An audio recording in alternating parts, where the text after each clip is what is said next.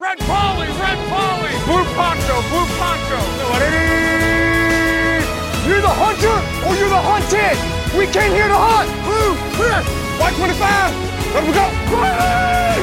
Riley! You know Jo, what time men it alltså is? hej och hjärtligt varmt välkomna till Endzone ska ni vara. Det är avsnitt 86. Jag heter Erik Lindroth och med mig har jag David David Andersson och Anders Engström. Hej på er! Tjena kingen. Anders, håller du, planerar du dina ljud du ska göra i början?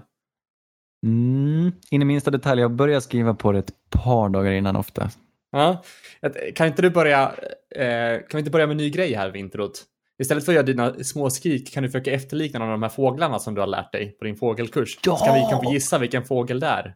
Ja! Det är en asbra idé. Ja, visst är det det. Eh, Ska jag börja? Gök. Enkelt. Nej! Nej, jag vet inte. Var lommen eller? Nej, spoven. Spoven. Ja. Är ingen, ingen baddare på det, men det var väldigt vackert var det. Tack! Jag har tränat på den ett tag. Jag, jag vet inte riktigt vad jag ska säga. Jag är chockad. Vi väntar på en fågel ord. från dig. Nej, jag kan ingen fågel. Jo, kom igen. Vänta, jag har en. Hackspett. Jajamän. Ja, jag kände på mig att den skulle komma. Men det var inte, det var inte helt olik eh, enkelbeckasinen heller. Den är ju något sånt här spektakulärt dyk när, när han spelar och så att det låter... Det kan man höra över vidderna om man har tur. Hackar Ja. han också, eller vadå? Nej, det är vingarna som gör något märkligt, eh, som vibrerar på något konstigt sätt så att det låter så. Är Är det, är det bara hackspetten som har liksom hjärnan i en vagga? Jag tror det. Nu finns det ju många hackspettsartade fåglar. Ah, okej. Men en struts har precis. inte, har inte liksom huvudet en, eller hjärnan i en vagga. Nej, jag tror alla hackspettar förutom möjligtvis göktytan håller på sådär. Typiskt gögtrytan. Hörni, det är Ja. inte många dagar kvar till NFL börjar. Nej, det är bara två dygn och fyra timmar kvar. Och 25 minuter när vi spelar in detta. Har du en tracker, eller vad heter det? Timer på heter det, inte track. Jag hade en nyligen. Vad härligt. Ja. Och vi har lite grejer att beta av faktiskt. Kan vara bra med en liten uppladdning för våra lyssnare inför för kommande matcher också. Åh, jag är så exalterad. Åh, det är galet. Innan vi börjar prata om lite matcher och lite sista signingar och liknande så, så har David, du har någonting att bjuda på, eller? Är det musik? Är det musikquiz? Ingen vet. Nej, det är Nej. det inte. Toto, Det- Africa? Nej. Exakt. Dagen till ära så tänkte jag hylla 80-talsbandet. Dum, dum, dum, dum, dum, dum, dum, dum. Ja, det är de som har gjort Roxanne också va? Rosanna. Rosanna, my bad. Ja, Mm. Och Walk the line. Ja. Rosanne, Alltså, vet ni vad? Ursäkta att jag inte minns namnet, men trummisen där i, i Toto, hans, det eh, halvshuffle-bitet han la på Rosanna är, det avgudas än idag. Det är det ultimata shuffle-bitet. Det är ingen som kommer nära. Inte Nej, ens inte de i Melbourne. Inte Melbourne Shuffle otroligt stort? Eller har de snott allt från trummisen i Toto? Jag vet inte vad Melbourne shuffle är. Jo, men det vet du. Eller Men pratar vi om samma grej? i, i trumma är ju så här... Ett släpande liksom. Det är inte Att man raka. spelar eh, taff, taff, taff, med triolkänsla. Oj, vad vi är mellan generationer. För Du Melbourne. Shuffle är ju dan- ja, exakt. ikonisk dansstil från Melbourne. Speciellt med konstigt lösa byxor till. Jaha, Som, det var som ju också sen spännande. LMFAO tog över och började shuffla och gjorde det stort. Precis, och då i skin-tajta tights. L- Leopardbyxor. Jajamän. Ja. Är det samma som Aron Chupa? Ingen koll. Vem är Aron Chupa? Nej, jag vet inte. Vi, vi Det skippar som det. en, det låter som en pilsnerfilmskille. Jag, jag, jag, jag ville bara vara med. Men Då fick du lära dig vad shuffle var. Eller båda fick väl det? Ja. Jag sitter här i någon form av, eh, heter det, translator Upplysning, mellan... du kunde båda. Ja, Det är du som är Buddha. så är det. Örebro-Buddha. Ja, jag brukar kalla mig det för i klassen. Men Davy, take it away. Ja, jag tänker att jag ska sätta upp lite scenarier och jag tänker att vi börjar enkelt med sant eller falskt och ser hur det blir. Så jag kommer ställa ett påstående och sen kommer jag dela ut ordet och sen får, ni, får den helt enkelt bestämma om den tycker att det stämmer eller om det inte stämmer. Och sen kanske vi gör det lite svårare sen med att vi går över till det ena eller det andra. Så då ger jag två allt svarsalternativ man får välja mellan. Så lite svårare. Så pest eller kolera sen? Ja, Eller- exakt. Ja. Så jag kommer ju, allt här är ju upplagt för att vara skitelaka mot Saints. Det hoppas jag ni Ja, är nice. beredda på. All right. Vi brukar kalla det pest eller AFC, där jag kommer ifrån. Ah, du menar pest eller Super Bowl-vinnare? Ja, men vi kör igång tycker jag. Ja, Herregud. det. Nu har det ju hänt lite grejer under veckan som vi kommer komma till. Speciellt kring att Adrian Peterson, eller det tog vi kanske till och med upp förra veckan va? Att han tar farväl från Washington football team. Nej, Ja, jag de tror att tar det kom efter. från honom. Men Kom inte det efter vårt avsnitt? Det kom jag, efter, jag. mycket möjligtvis. I alla fall, han har packat sina grejer och dragit till Detroit. Men han blev släppt av laget. Och när jag satt och tittade lite på den här depth charten så är det inte många namn där förutom Peyton Barber, den gamla Tampa Bay runningbacken och rookien Antonio Gibson, den elektriska wide receiver slash running back eh, prospektet. Då är mitt påstående, är Adrian Petersons avgång från Washington, är det ett tecken för en monstersäsong för Antonio Gibson? Anders, vad tror du? Ja, Varför då? helt klart. Nej, jag tror verkligen det. Nej, jag, jag minns Antonio Gibson som var en mindre skola. Var det typ Memphis eller var det Temple? Det var någon av de Memphis, exakt. Memphis, ja. Elektrisk som du säger. Han sprang inte mycket i college, men när han sprang så kunde han göra vad han ville. Och jag, jag, för mig låter det som att någonting är upplagt för honom. Nu är Guys borta, nu är Adrian Peterson borta. Jag tror bara, de har inget att förlora. De ger bollen till honom och ser vad som händer. Jag tror definitivt att han kommer lasta en ganska tung roll från start. Ja, sant. Intressant. Tror du att det kommer ske för det mesta genom passningsspelet som Rivera använde Christian McCaffrey i Panthers? För annars har väl Washington varit ett lite mer springtungt lag. Jag tänker på hur de använt Darius Guys och Adrian Peterson. Vad tror du han kommer göra sin, den mesta skadan? Eh, som både och tror jag. De kanske testar att kötta in Peyton Barber i murarna men det kommer inte funka så då tror jag att de har Antonio Gibson på alla downs från början. Vi kör. All right. De, ja, som sagt, de har väl inte jättemycket annat att komma med, eller? Nej. Så, Nej. att de, så att, alltså, han måste väl lyckas någon gång av de gångerna Ja. de petar in honom liksom. Jag har ärligt talat lite dålig koll på de andra namnen. Jag antar att de har ett par udda namn, även eh, eh, några andra running backs i, på den där depth charten. Men jag tror på Antonio Gibson. Du har helt rätt. De har ju Bryce Love där också som var draftades för ett år sedan. Och McKissick. Ja, exakt. Lite mindre tro på McKissick, men jag vet inte. Det här kommer bli spännande. Vad tror du Erik? Har du några mer tankar kring det här? Alltså, jag kände på en gång när du, när du nämnde honom att jag har dålig koll på honom som, som spelare överlag. Men han kommer ju få mycket snaps nu. De har ju liksom, om de inte klockar upp något, något sjukt här snart. Eh, så någon gång så lär han ju lyckas med både runs och, eh, och få några, alltså, både som wide receiver och som, som running back antar jag. Ja, alltså det är spännande. För han är ju från en mindre skola och det, således också en mindre division. Frågan är om han kommer vara lika van med snabbheten och hårdheten som ett NFL-kaliber försvar spelar med. Hur är det, nu, nu har jag kanske dålig koll, men har de, har de namngett starter i Washington? Det är. Dwayne Haskins. Ja, de är så. Mm. Jag är ganska säker på. Det vore Jajamän. förvånande om det inte vore så. Ja, det är säkert. Så är det. För Alex kan inte starta, eller? Han, eh, även om han kan så kommer han inte. Det är Dwayne. Ja. Det har de Då, sagt. mm. Spännande. Spännande. Vi går vidare. Eh, nu är det ju så att AFC East är ju vidöppet för quarterbacks. Vi tappade Brady till en annan, eh, annan konferens till och med när han gick till Tampa Bay. Kvar finns då Ryan Fitzpatrick, Mm. Josh Allen och Sam Darnold. Yes. Och Cam Newton nu också. Så jag tänker att jag öppnar för att fråga, kommer Josh Allen bli AFCs, AFC Easts bästa passare nästa år? Vad säger du Erik?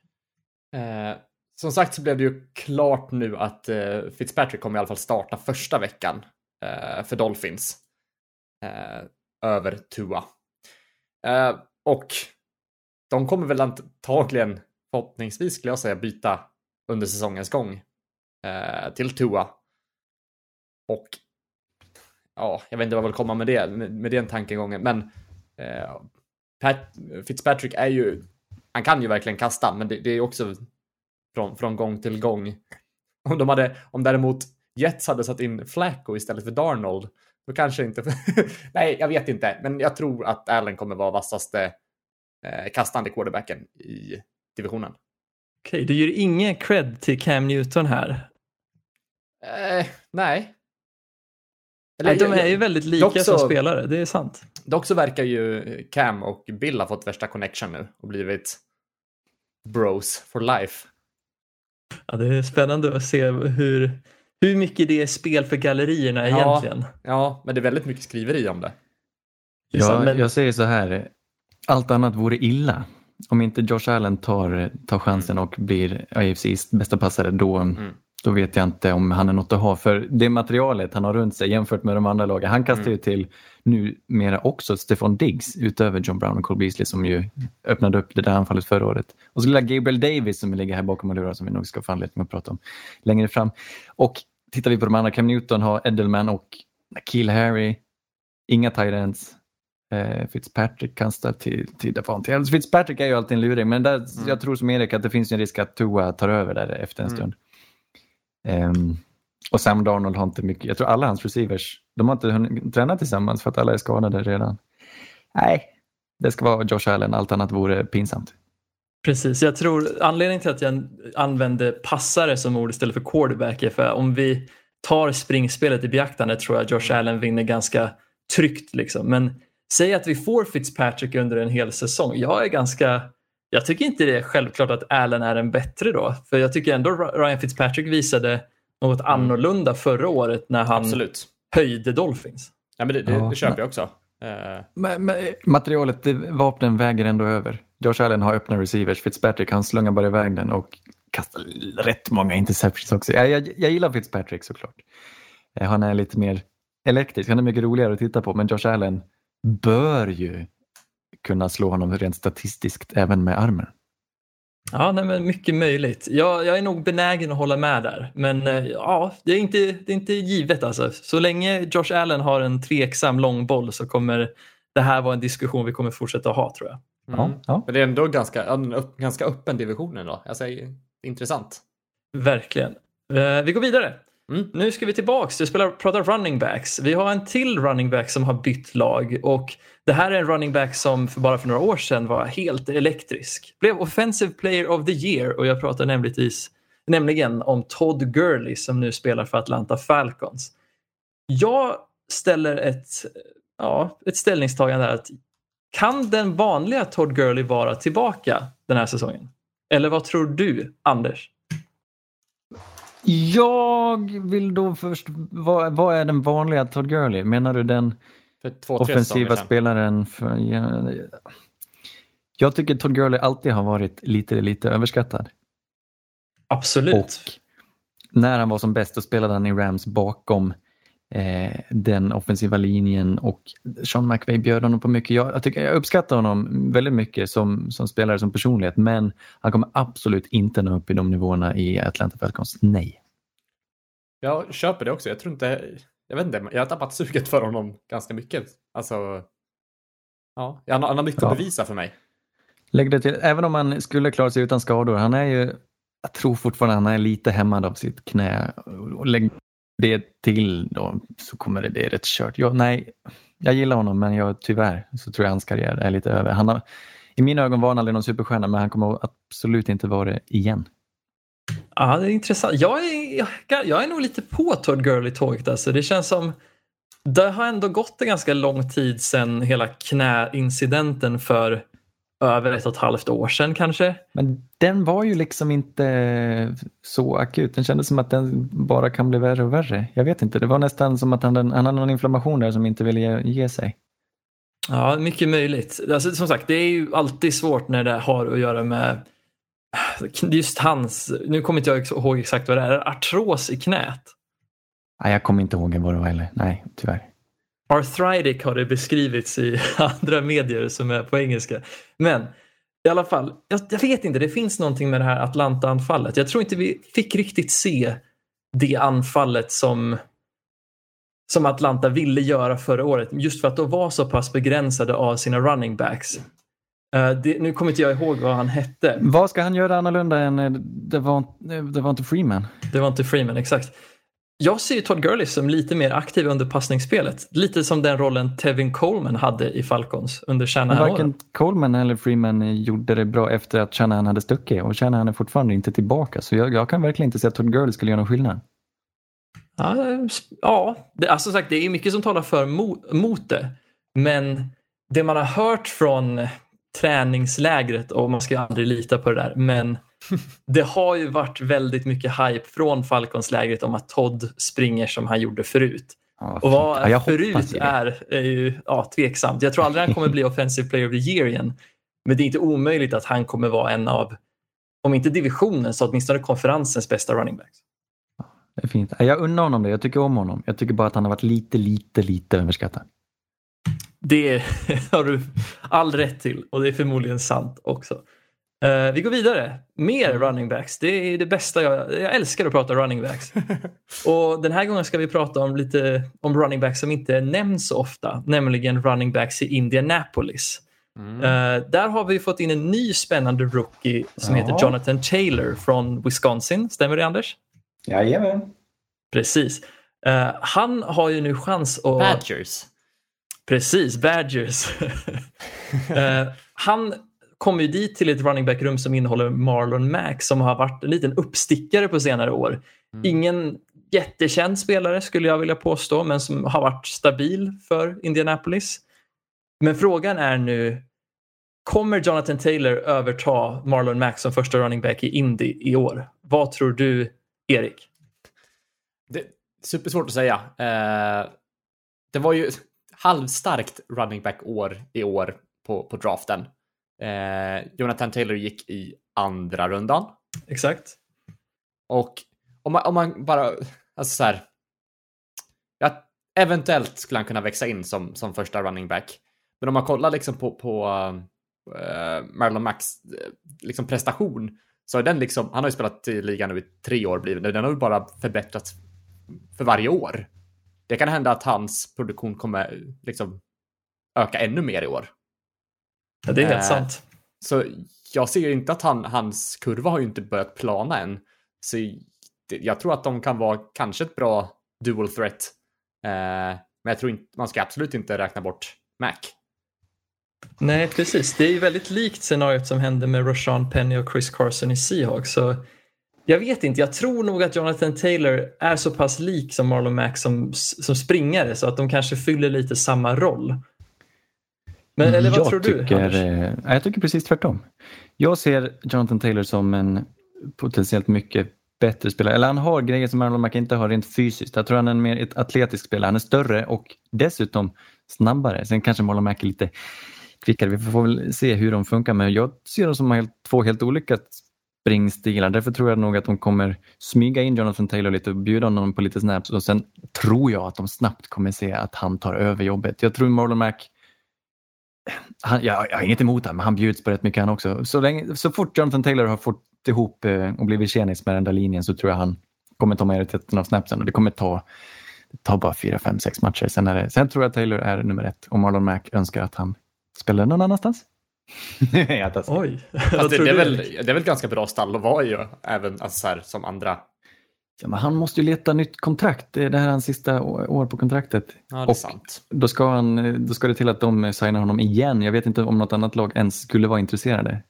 Eh, ja, så jag tror verkligen att han kommer börja spela och han kommer spela så bra han kan. Men Jonathan Taylor har lite extra atletiskt som jag tror att de kan falla för.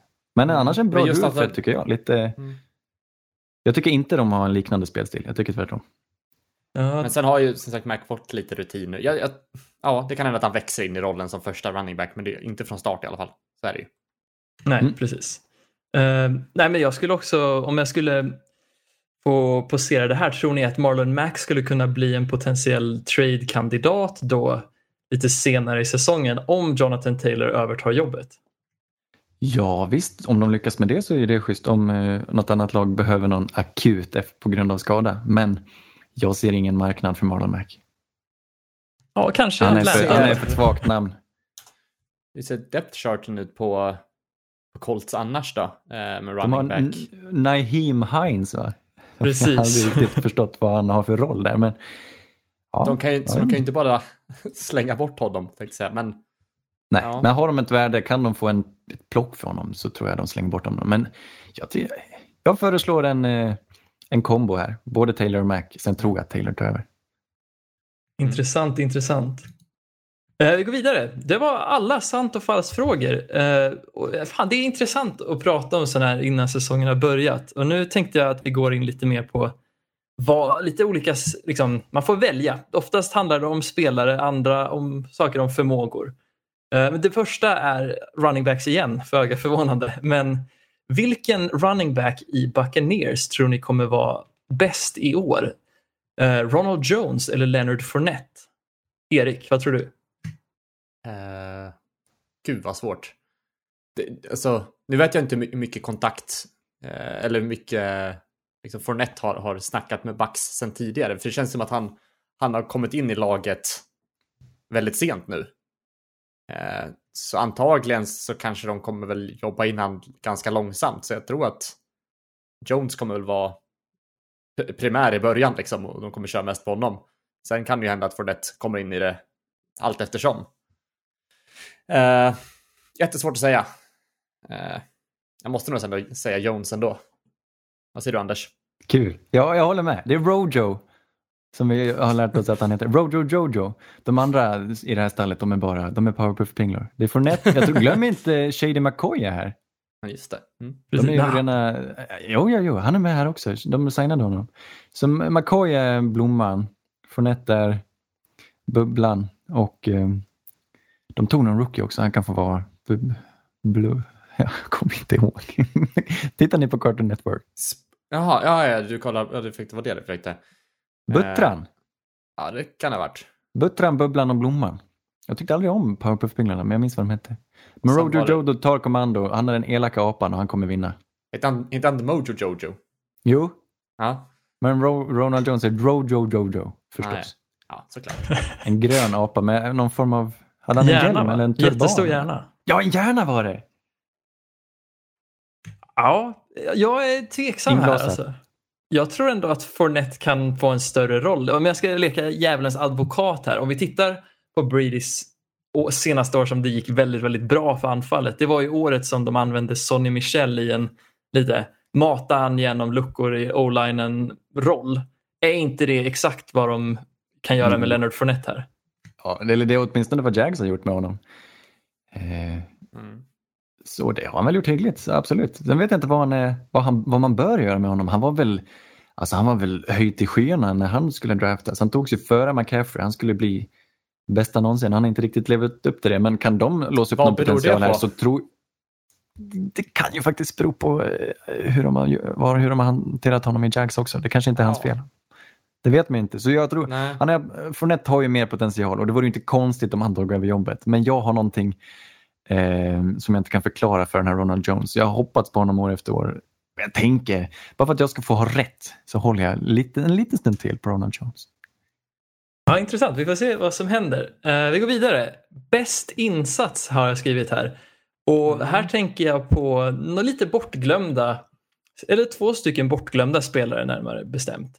Och det är två quarterbacks som har fått nya lag här. Två spelare som back in the day så att säga var på contenders. De var i playoffs i flera år liksom.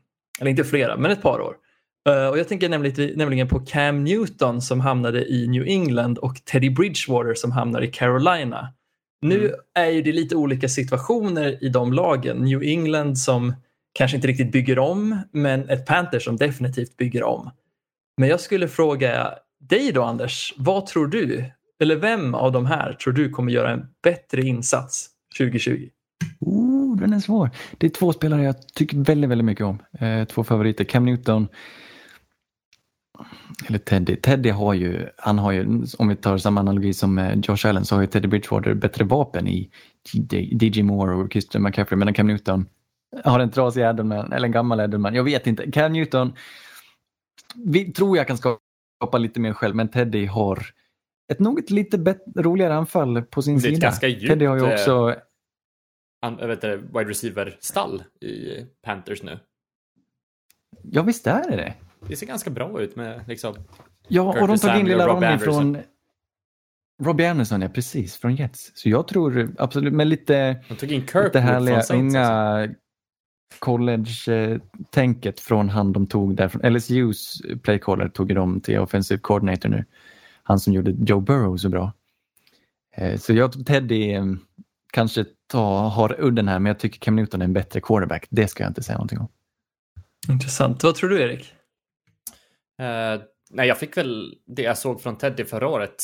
Har väl, det, det har jag gillat att se. Och som sagt så är stallet väldigt bra i, i Panthers. Han har många att kasta till. Men han Eh, spelar så torrt och tråkigt, varför gör han det? Han är en sån härlig det- och rolig personlighet, men det är bara hans grej. Men det funkar ju. Checkdown Teddy. Ja. Ja. Så Tänk jag, vad han kan mata McCaffrey dock. Jag tror att, att Ca- Cam har hamnat i en jättesvår situation eh, i Patriots där. Så jag Mm. tror att Teddy kommer göra det bättre än honom. Men på grund av vad han har runt omkring sig och situationen överlag. Ja, jag tror att mycket kommer av, alltså det som kommer vara svårt här är hur, eller svårt att avgöra är hur pass väl Cam Newtons personlighet och spelstil gifter sig med hur Josh McDaniels vill liksom köra sitt anfall. Ja, Det här är ju en helt ny typ av quarterback som Josh, Josh, McDaniels anpassa spelar. sig här. Ja, absolut, absolut. De kommer köra mycket, mycket mer RPOs har det pratats om. Och jag vet inte, det finns ändå alltså, ljusglimtar här. Jag gillar New England som kultur och lag mer, men jag tycker ju absolut att det finns mycket mer pjäser på plats på anfallet för Panthers. Det enda som får mig att bli lite rädd är väl en katastrofal o-line där som kan vara ett, ja, en dödsdom för Ja. en försiktig quarterback som Teddy. Det här är ju en, eh, det här är två bottenlag. Det, tr- jag tror inte Tänk- det. Jag tror att New England kommer vara med och tampas. Och Tampas. Ja, Precis. Ja, tror du verkligen det? Ja, men det tror jag. Jag tror att de har i alla fall åtminstone chans att utmana divisionen just på grund av att den är ganska svag i form av att Jets och Dolphins inte riktigt är topplag. Så det är enklare att samla på sig lite vinster under året. Mm. De har tre fruktansvärt bra cornerbacks och de har inget annat. Nej, precis. Men de har kulturen och schemet. Ja, och de har Belichick. Jag vet, man ska inte underskatta dem, men det, här, det, är ju, det ser ju så illa ut. Alltså. Nej, precis. Apropå det, De, Belichick har ju alltid varit kopplad till Brady. Och de har ju länge varit det här radarparet. Men nu har ju Brady gått till Tampa Bay. Och Brady har vacklat lite. Han är inte riktigt den bästa passaren någonsin längre skulle jag vilja säga. Men jag vill ändå se vad ni tycker. Vad tror ni kommer ha störst effekt på ett Tampa Bay-anfall som var lite okoordinerat förra året? Är det Bradys ledarskap eller hans förmåga som quarterback och passare? Vad tror du, Erik? Det är en svår fråga. Alltså, allt är ju bättre än vad de hade, hade förra året i passnings eh, liksom, synpunkt. Det var ju bety- alltså, alldeles för mycket. Eller? Men om vi Eller? kollar interception-mässigt. Han hade inte typ 5000 yards? Nej, Jo, det kanske var lite innan. Ja. Jo, men jag tänker, jag tänker just interceptions och Ja, pricksäkerhet. 30 är lite mycket. Ja, det är sant. Så eh, det hjälper ju liksom inte Bucks att, vinna och ha så mycket interceptions. Så absolut kommer han alltså påverka laget positivt på, på passningsfronten. Men jag tycker också att det, jag vet inte, det, det är väl mer en känsla om att James inte hade toppen ledarskap heller. Nej. Eh, Du- du- så att jag tror att han kan stärka laget på båda bitarna. Jag vet att hans kanske arm inte är vad den kanske har varit, men han är fortfarande bra på att passa. Alltså, så att jag tror att det är 50-50 på ledarskap och passningsförmåga där. Okej, intressant. Vad tror du, Jag gillar, Anders? verkligen, jag gillar verkligen frågan. Jag, jag tror som du, att du har hittat någonting här. Jag tror Bradys ledarskap, jag tror på ledarskapet.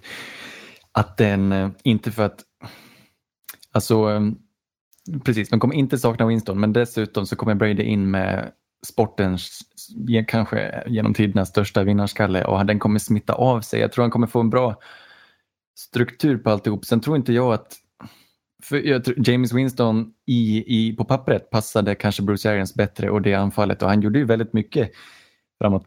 Dessutom så kastade många interceptions men jag tror att Brady kommer inte in som en bättre passare. Han är lite mer kontrollerad men han har inte de här explosionspassningarna heller. Så jag tror det är lite både och. Han, har sina, han är lite mer plan på det viset. Jag tror ledarskapet kommer ha större effekt. Mm. Precis, jag tror man kommer nog se... Han, han kommer ju inte, han kan inte, jag tror inte han 2020 kastar för 5000 yards. Jag ser Absolut inte inte. Nej, nej, nej. Och han kanske inte kommer Nej. behöva det heller. Man Och kanske det är inte kommer passera synd. 30 interceptions heller. Nej, verkligen inte. Nej, precis. Men det är ju väldigt synd att han inte kastar för 5000 yards i så fall med tanke på vilket otroligt wide receiver-rum de har. Ja. ja, men man ska inte underskatta ledarskapet hos en quarterback. Det gör skitmycket, speciellt när det är en sån, när han kommer in med den vinnarinstinkten. Eh, Det ger så mycket, så mycket mer än att bara vara duktig. Nej, precis. Titta bara på hur Peyton Manning vann sin sista Super Bowl. Han gjorde ju ingenting som passade. Men just det ledarskapet och kulturen han tog med sig. Att vi alltid kommer tillbaka dit. Davy. Jajamän. Men Men inte bara är... han, även typ John Elway var väl likadan när han började bli till åren. Exakt, Den exakt. krigarinstinkten. Han vann väl en Super Bowl åt dem sent i sin karriär. Precis, han vann två i rad innan han gick i pension. Ja. Och då var ju inte John Elway fokuspunkten för anfallet utan det var ju Terrell Davis, deras elektriska Mm. running back. Nej, det är fint. Intressant, kul. Det där, jag älskade den frågan. Det var nog min favoritfråga. Eh, men vi går vidare. Då har jag en fråga till dig. Ja, kör. Luke och Lindström eller Oldsberg och Hellberg? Oj. Jag känner nog att... Det finns bara ett rätt svar här. Ja, men jag har ju aldrig gillat Lindström och jag är ju väldigt skeptisk till Christian Luuk. Och jag antar att vi pratar om På spåret här, stämmer det? ja. Eller bara de som du, programledar-duo. Ja, men jag kan känna att Lindström inte är den trevligaste personen. Förmodligen är han en helt annan människa när, han, liksom, när kamerorna inte är på. Så jag känner nog hellre att jag tycker om Oldsberg. Han känns... Nu kanske jag är helt ute och cyklar. Men jag Vad gillar dem mer. Eh, ja, jag, jag säger tvärtom. Ja. Jag gillar de här nya. Jag gillar deras stil. Jag tycker de passar. De lämpar sig på spåret. Det säger du bara. Nej, jag tycker faktiskt det. Jag älskar Christian Luuks i, i, i rutan. Jag gillar verkligen hans sätt. Jag tycker om hur de tog, tog emot arvet här och gjorde någonting nytt med det. De har gjort Sen, det, det är klart. jättebra. Det var en, en svår mantel att axla. Ja, Eh, de har gjort det bra. Men men det är ju inte att skända och säga att de gjorde det ännu bättre än Oldsberg. Jag gillar Oldsberg, men Oldsberg är ju... Ja, ja, jag bor i Göteborg, jag får inte säga det, men jag tycker ändå att Luke och Lindström är roligare jag titta ju på, på en repris från finalen 2004, 2004 här. Ja. Mm, För några helger sedan. Var det är så mysigt. Han var inte med i final det året. Var det Holm? Holm var med. Jaha. Eh, Men det var så fruktansvärt mysigt att se dem igen i, på På spåret där. Hur det såg ut förut. Det, jag måste hålla med Davy. Och sen Björn. Ja. Vilken kille. ja. Det är nog, det är nog jag som eh, ligger här i glömska också. Jag har glömt hur bra det var. Ja. Verkligen. Ja, förlåt. Nej, men det är spännande. Det här, det här är jättebra.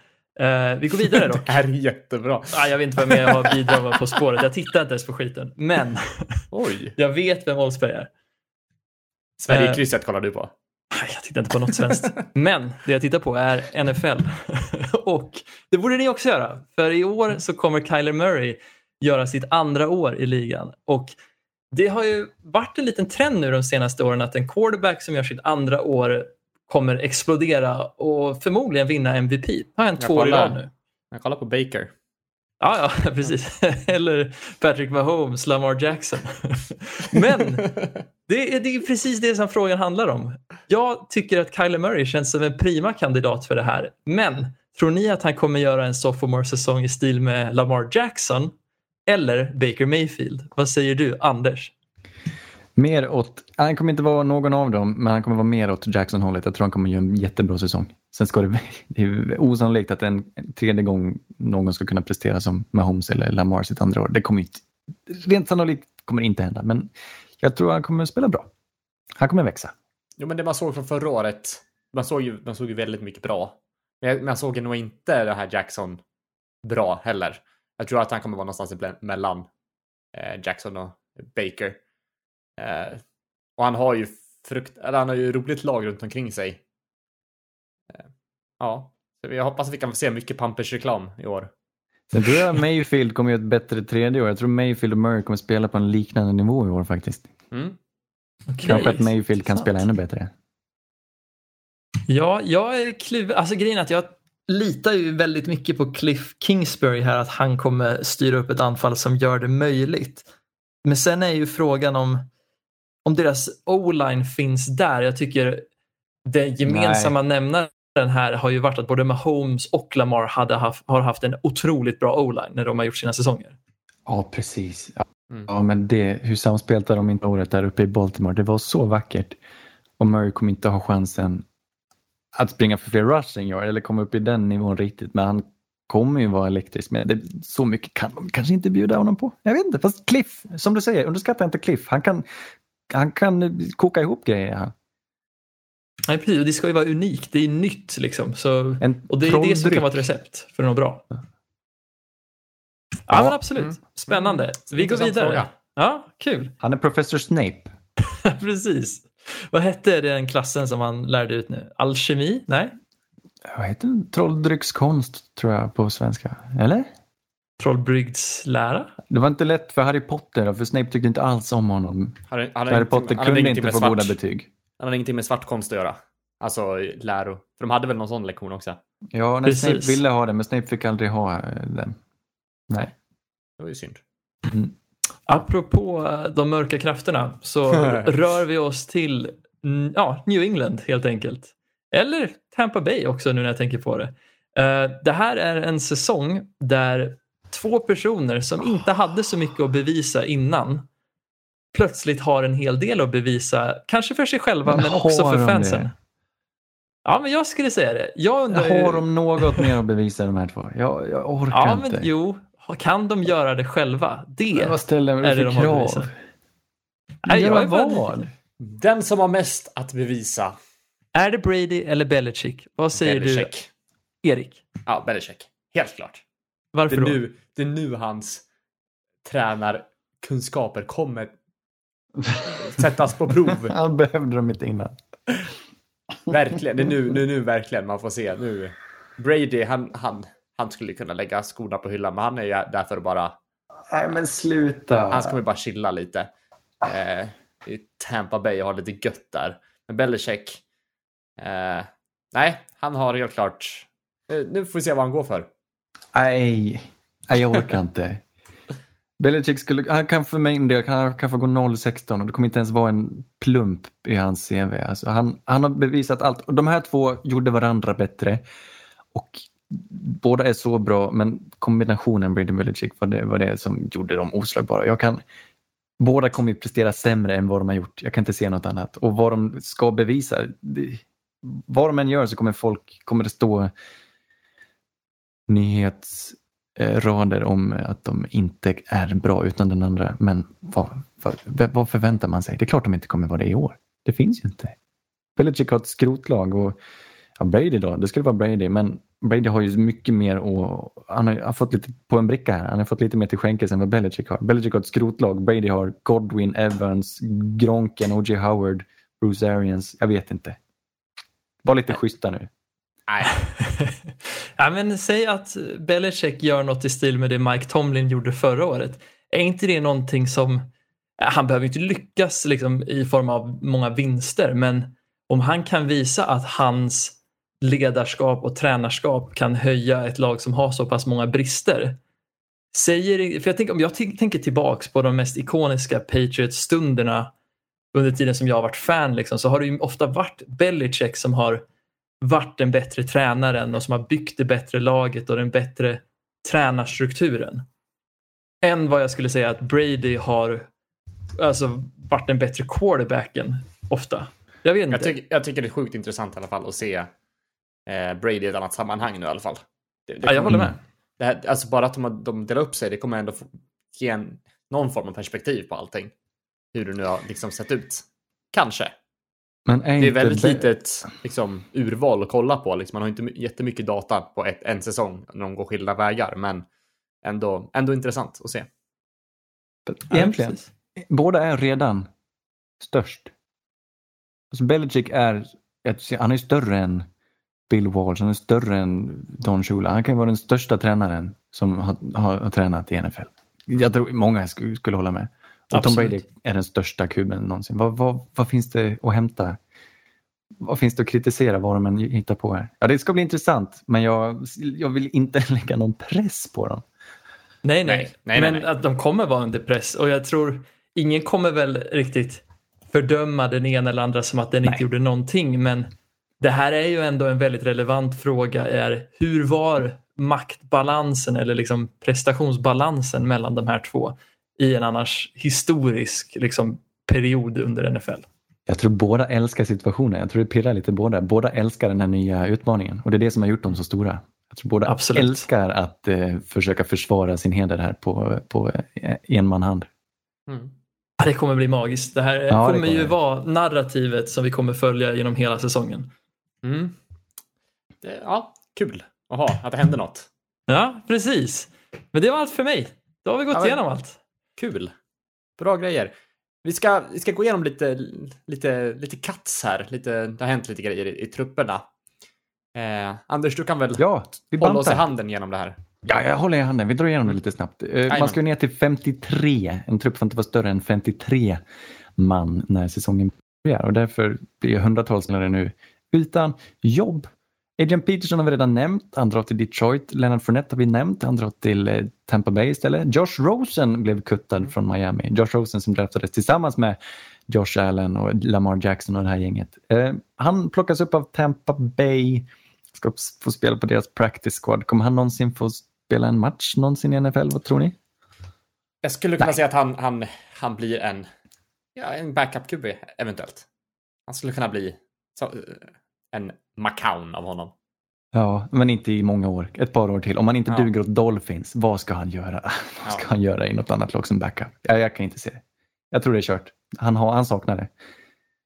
Ja, jag är benägen att hålla med.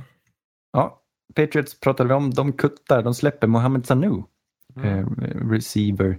Han har spelat i, började han i Bengals kanske? Han spelade länge i Falcons i alla fall. Och eh, folk var lite glada när Patriots tog upp honom och tänkte att det skulle funka förra året. Nu släpper de honom. Det funkade inte förra året och det funkar inte nu heller. Han fick väl inte alls många targets förra året? Det var väl... Nej, nej Kom han in var under, en, mitt under säsongen? Eller var det? han var en Precis. besvikelse. Vi kan inte se det som för ett något andra annat. runda pick för 200 Ja. yards under säsongen. Absolut inte värt. Jag sa det då, jag säger det igen. Det var Mm. dåligt. Kåre Vedvik, norsken. Vi har undrat lite vart han tog vägen. Han, är, han är, reklamförde sig som att båda kunna panta och kicka, sparka och panta. Det, ju, det finns ju inga sådana i NFL och det verkar finnas en anledning till det. Det är ingen som vill ha honom heller. Jag tror att man måste specialisera sig på det ena eller andra, annars duger Mm. man inte till något. Kan det vara så helt enkelt? Mm. Eh, Alltså, det ju... det, grejen är, det är ju det är inte dumt att ha en kicker och punter i samma person. För Nej, att spara en plats på, på Exakt. depth chart. Det är därför folk är lite nyfikna på honom och han får testa Ja. så många olika lag. Han var ju lite hypad. Det pratades om honom inför förra säsongen när Vikings plockade upp honom. De släppte honom ganska snabbt. Han startade väl en match eller någonting. Jag, jag minns inte hur det var. Eh, men Jets tog han. Nej. Det var i Jets han startade mot Buffalo och han missade en extra point i första matchen och sen släppte de honom en vecka senare. Så var det. Och nu har han hunnit besöka Bengals och Bills och Panthers och nu är han jobblös igen. Vi kanske ska stänga det kapitlet, Kåre. Ja. Nej, men det är väl därför man inte slår världsrekord i en sjukamp kanske. Känner jag om man tänker fri, om man tar en friidrottsanalogi. Ja, ja, ja. Det är ju man måste specialisera sig i en så pass eh, om man ska, alltså i en sport som är så pass dragen till sin spets där varenda position är fylld av specialister. Mm. Fint. Ja, Men- jag håller med. Går man över till slalom däremot. De Ja. kan vara bra på störtlopp och storslalom och Det är helt fantastiskt. Vissa, här- de allra bästa kan allt. Det är det jag tycker är den stora fantastiska Mm. skillnaden.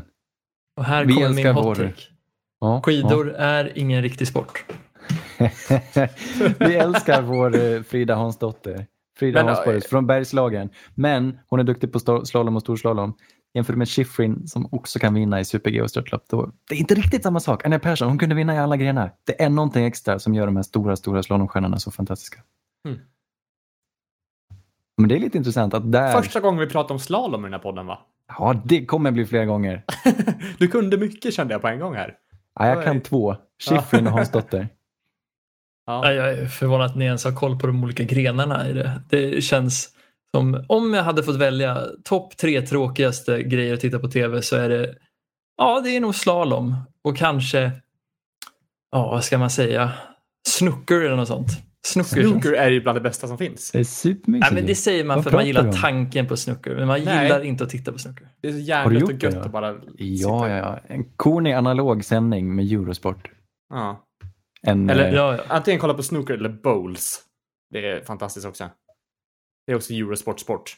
Det är som Ja. boll fast man rullar kloten liksom och de tippar. Det låter som något skotskt. Ja, men det bowls det. låter ändå trevligare. Alltså. Ja, det Undrar om inte jag bara hatar Eurosport, för nu när jag tänker efter så har ju alla mina liksom, traumatiska minnen på tråkig sport varit när det var Eurosport har stått på hemma. Det är ju så här typiskt att de har en lång sändning hela dagen från en cykeltävling. Ja, cykling är ju också en riktig rövsport alltså. Nu svär jag i podden, men det är det värt. Rövsport. orientering. Ja, men Ja, orientering har ju ändå liksom det är navigering och det är ändå, det, där kan jag nog ändå köpa mer än cykling där alla cyklar samma vända som är alltså smärtsamt utmarkerad. Och sen så, ja, ja men då sitter man och späckar det i sex timmar. Känns det värt? Nej. Det tråkiga är ju att alla är är ganska noggrant utmärkt också. Så faktiskt. Ja. Du, nåväl. Haha, Clinton Dix har också blivit släppt. Det var lite överraskning för mig. Från senast i Cowboys. Han var väl en sväng Packers. Bears, Packers. Ja, jag, Ja. jag glömmer bort. Jag glömmer bort. Men han är släppt. Vad han nu var, han- så är han släppt. Han, han är han kanske är inte så ju- bra. Safety. Ja, men Är han är känd för sitt här- namn? Ja, men han kan väl spela lite i alla fall. Han är ju inte värdelös. Eller? Nej, precis. Jag undrar om det inte här kan vara ett personlighets, personlighetsskäl som man släpper Ja. han. Jag tror han är eh, på gränsen till värdelös. Jag vet inte riktigt om han hör hemma i diskussionen bland de bästa. Jag har, vart han än hamnar så tycker jag jag läser saker om att han underpresterar. Så han är nog helt enkelt inte så bra. Nej, En mycket möjligt. tråkig grej, Shaquem Griffin träffades Mm. för- för ett par år sedan väl av Seattle Seahawks. Han saknar Yes. sin vänsterhand Och fick spela med sin brorsa då. Och fick spela lag. med sin brorsa. Jätteroligt, fantastisk story. Nu fick han inte plats i årets trupp. Mm. De har signat honom till sin practice squad. Ingen annan har väl velat ha honom. Men tråkigt, det kanske inte blir någon lång karriär för honom ändå. Då. Nej, han hade väl de, de fysiska liksom, egenskaperna. Han var väl extremt snabb i combine. Och eh, bra teknik som jag förstod det. Men inte tillräckligt. Jag vet inte om, om just det här med handen är tillräckligt stort liksom, handikapp och liksom, påverkan för mycket. Ja, det är synd att behöva ta upp det, men det skulle kunna vara det här med att öppna en hand. Att det är ett handikapp. Nej. Ja. Ja, Nej, eh, ja absolut. Men eh, jättetråkigt för honom. Men det är kul att han är Ja. kvar i practice squad i alla fall. Så han är ju inte helt ute. Visst sa, att, visst sa Ja. du att han var det? Ja. Nu är till Davids favorit. Vi går vidare. David, sorgens dag. En gammal legendar från Broncos har gått ut tiden höll jag på att säga. Men Chad Kelly spelar inte i någon trupp just nu. Hur ser du på det då? Åh nej. Vem är han? Han är mannen, igen. myten från, eh, han är från, vad har han spelat i? Mississippi va? Jo, Ah, Ole Miss eller Mississippi State om jag inte minns fel. Men han är ju släkting till eh, Jim Kelly om jag inte minns fel. Jaha, är det Den- så pass? Ja, precis. Den legendariska quarterbacken i Bills under deras Som dynasti. förlorade fyra Super Bowls i följd. Exakt, precis. Och Chad har ju varit, inte den trevligaste personen utanför planen, men han har varit elektrisk under preseason flera år i rad och har aldrig lyckats få ja, hålla sig snäll om man ska säga så. Han, är, och, liksom, han rök från Broncos för att han bröt sig in i ett På hem. Halloween va? Eller något sånt där. Ja, precis. Efter halloweenfest hos Von Miller så tänkte han, ja men lite inbrott. Tog inspiration från DeAndre Baker och Quentin Dunbar och bröt upp ett, en dörr och gick och satte sig i soffan tills polisen kom. Det stämmer som du sa, han spelade i Ole Miss. Var Mr Irrelevant faktiskt 2017. Broncos tog honom, men det sista plocket i draften. Ja, Precis. jag tycker vi stänger det kapitlet också. Eh, ska jag erkänna att jag hade fel på en grej. Hakeem Butler, wide receiver, Mm. spelade en sväng i Cardinals. Jag sa inför draften förra året, tror jag, att, jag tror att han var bättre än Nakil Harry. Jag hade fel. Vi går vidare.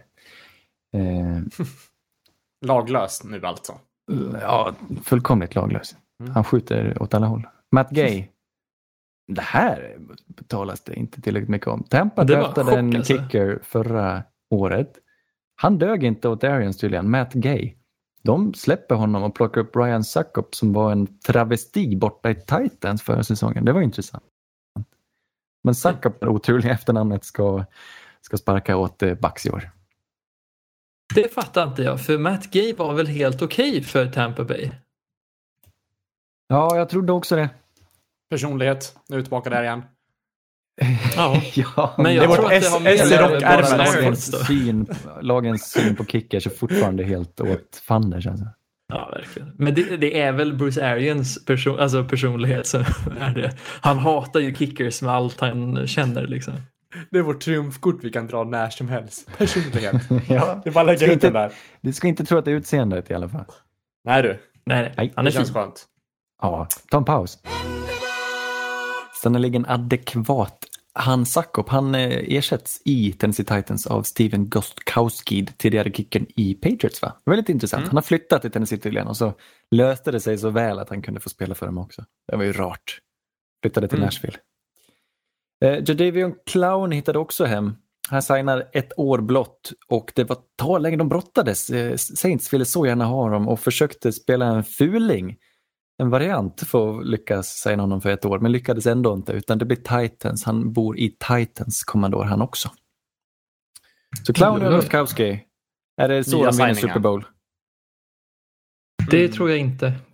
Jo då. Det, det är det som behövdes. De behövde ju pass rush och de behövde en kicker, men jag undrar om de inte har jag vet inte, det känns inte som det är det det hängde på. Speciellt inte en, äh, en vad jag anser subpar pass rusher i Davion Clowney. Absolut, han har toppar, men han är fan inte konsekvent. Nej, han är konsekvent grym i, i run defense men pass rush är inte hans. Av någon anledning så har han inte riktigt kommit dit han borde vara. Ja, ja. Mm. Kontrakt, vi tar några stycken. Det har ändå hänt, det är ju lite roligt där. Deshaun Watson har förlängt. Han stannar i Houston. Det tycker jag är fint. Fyra år, 156 miljoner dollars. Han kommer snitta 39 miljoner i årslön. Så han kommer upp där. Han ligger under Patrick Mahomes just nu. Han ligger dock över resten. Han tjänar mer än Russell Wilson etc. Är han värd detta? Håller ni med? Ja, men det tycker jag. yes. Ja. Ja, men det vore Han är inte annars. värd mer än med Homestock. Då hade jag blivit arg. Då hade Ja, det, det hade blivit varit, ännu eh, en. Texans tirad från mig. Ja. ja, men det här var väl ändå lite väntat. Det var bra. Bra gjort. Äh, Den, en lite oväntad grej om jag får säga det. Tredavis White, corner nu då. Buffalo Bills draftades samtidigt som Marlon Humphrey och Marshall Lattimore och tänkte nog att han skulle dra ut på det längst och eh, få det dyraste kontraktet. Jalen Ramsey väntar också på kontrakt vet ni. Men Tredavis White är alltså ut först och blir som väntat den bäst betalda cornerbacken men inte med mycket alltså. Han kommer snitta, det är ett fyra års kontrakt, han kommer snitta 17 miljoner om året drygt.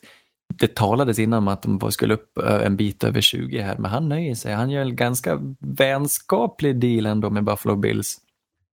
Mm. Eh, och ja, dra undan benen lite för de andra, hans polare tycker jag. Jag tror de här hade kunnat väntat sig en högre lön om de ville, men White lyckades inte, han och hans agent lyckades inte förhandla sig till mer än så. Jag tyckte det var lite billigt. Jag håller med. Speciellt Kanske tror så pass mycket på Bills att han vill vara kvar och kan Ja, tänka sig. Kan vara Absolut. en sån grej. Att han ser en ljus framtid. Jag har ingen aning. Det drog jag från röven. Men jag tror, jag tror det var självklart. Jag tror han, de hade gått med på över 20.